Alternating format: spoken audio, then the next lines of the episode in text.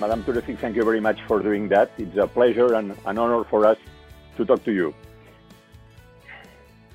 Uh, what did it mean for you to be recognized with the Catalonia International Award? Oh, it is it is a, a special honor for me. Uh, I already knew this uh, Catalonia International Award because one of my um, colleagues, also an oncologist, uh, um, uh, Joseph Baselga, had been in the past acknowledged with uh, it. So uh, this was not the first time I heard about it, obviously, and uh, it's um, it's a special honor that I'm among all those. Um, uh, awardees, um, and uh, I feel very honored and humbled. Yeah, as you know, uh, in the 2020 edition, three more women were awarded as a recognition of their contributions in the fight against pandemics. What's the significance for you to uh, be, of being recognized along with uh, other women? Uh, it uh, it is wonderful to be recognized with other strong and brilliant women uh, with um, these uh, sisters, not sisters in crime, but sisters in the service of a, of a greater cause.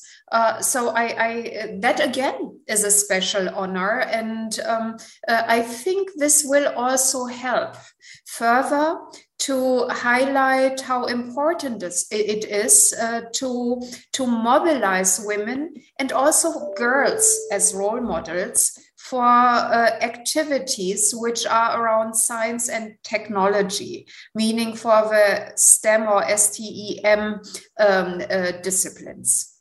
Mm-hmm. Well, uh, almost uh, two years ago, you changed your line of work to find a vaccine against COVID 19 with Pfizer. You and your team achieved that uh, only eight months after the WHO declared the pandemic. How do you recall those months? It was a roller coaster ride. I have to say. Uh, it was anyway not an easy time for, for us as a global community.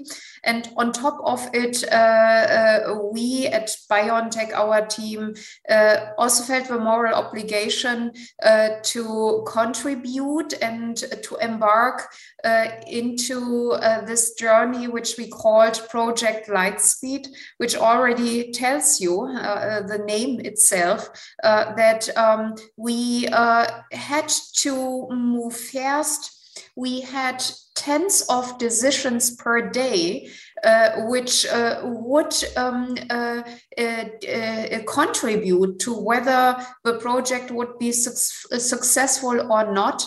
And for quite a long time, because we were on new territory, we were not sure whether we would hit the target at the end of the day. So it was a very exciting and and and consuming time as well. But we, very tired. We are very happy that we were blessed with success. Um, Pfizer and, and uh, BioNTech did a new scientific approach to the COVID 19 vaccine that involves injecting part of the virus genetic code in, in order to train the immune system. Is that approach uh, the most important part of your work? Uh, this yes, the, the approach is an important part of our uh, our work uh, that we use mRNA, a new technology uh, which has not uh, been used before in an approved vaccine or in any approved drug. So in principle. Uh, the, the, the, the general approach of vaccines is that you present one part of the virus uh, or uh, the entire virus to the immune system. And we did exactly that. So that was not different from other vaccines. But what uh, mRNA allowed us to do was that uh, we did not need to construct uh, this virus part. We just delivered uh, the blueprint the, the, the, the manual how to um, generate this virus part, the spike protein, to the human body. And the cells of the human body generate then this um, uh, uh, uh, protein, which is like um, a wanted poster for the immune system. And because this is this uh, doing this this MR, with mRNA allows you to be faster, to communicate better with the body, and to ensure higher precision. This uh, was an important piece for the success of our project Lightspeed. Uh, to what extent can we be sure that the COVID vaccines your team and, and you produced will not cause any harm or side effect uh, to those who were injected with them?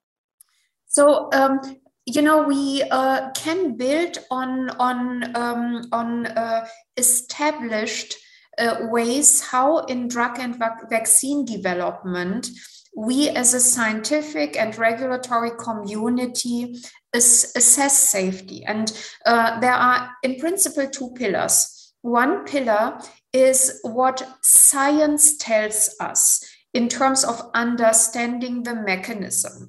And the mechanism of an mRNA vaccine is such that uh, safety risks which come late are not to be expected because you know the mRNA is um, uh, enters the body, uh, it uh, builds the spike protein. The spike protein is recognized by the immune system.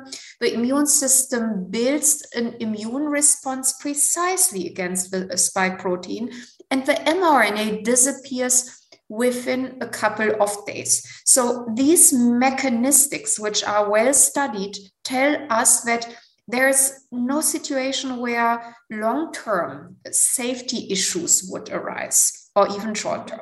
This is one pillar, and the other pillar is the, is the clinical data. And our mRNA vaccine is um, uh, the drug which is actually best studied uh, as compared to anything in the med- in medis- medicine because so many um, uh, uh, uh, people have been immunized with it and all the safety data in clinical trials but also in the uh, vaccination campaigns is being collected and assessed by us as regulatory authorities and public health authorities so that we have a good understanding what the safety profile is.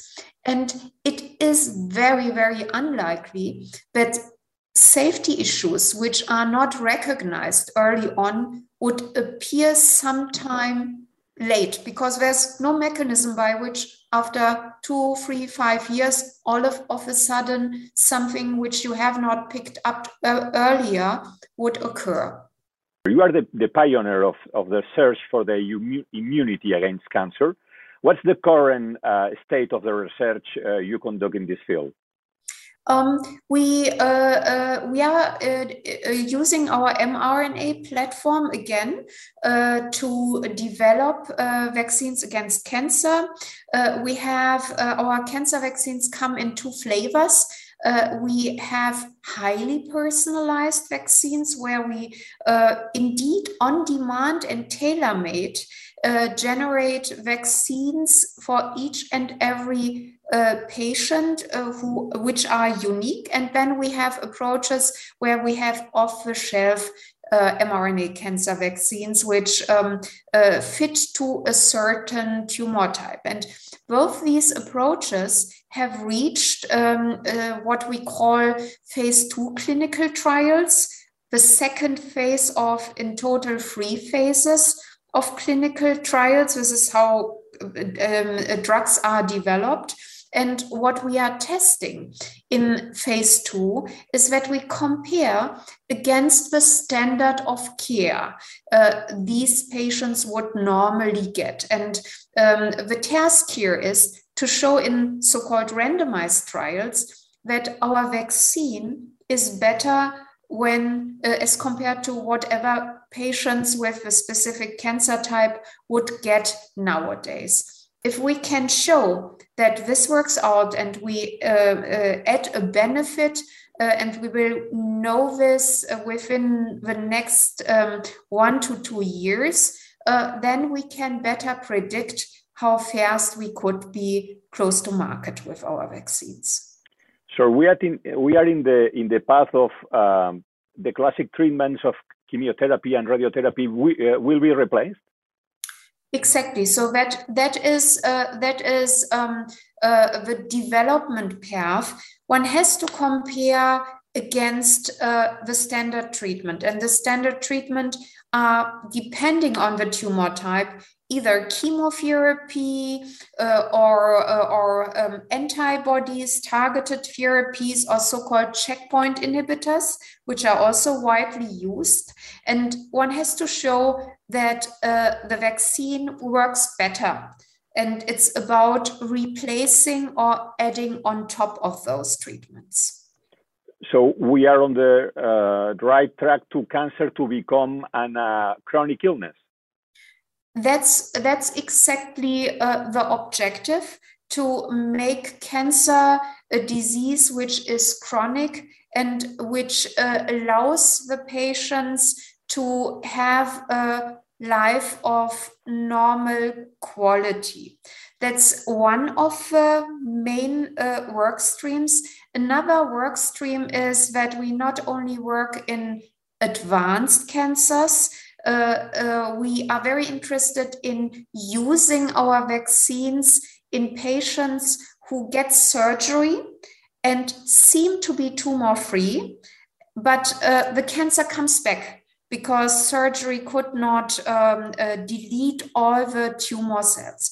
Uh, this is, for example, the case in colorectal cancer, where if you catch the disease early, uh, you, uh, patients don't have metastasis and there is a surgery and patients appear tumor free. However, uh, 40 to 50% of these patients will relapse and will at the end of the day succumb to their disease. And what uh, we are doing is to develop cancer vaccines which are used directly after surgery in order to um, uh, enable the immune system to uh, clean up the residual dormant uh, and, and uh, uh, hidden cells so that this would be here the objective would be to have a cure of cancer in these early stages of disease. Awesome, Türeci. Thank you very much for your answers. Uh, and from our newspaper in, in Barcelona, Catalonia, thank you for the, the research and work uh, you are doing not only in, in coronavirus field, but in, especially in cancer. Thank you very much for this very pleasant chat. Thank you.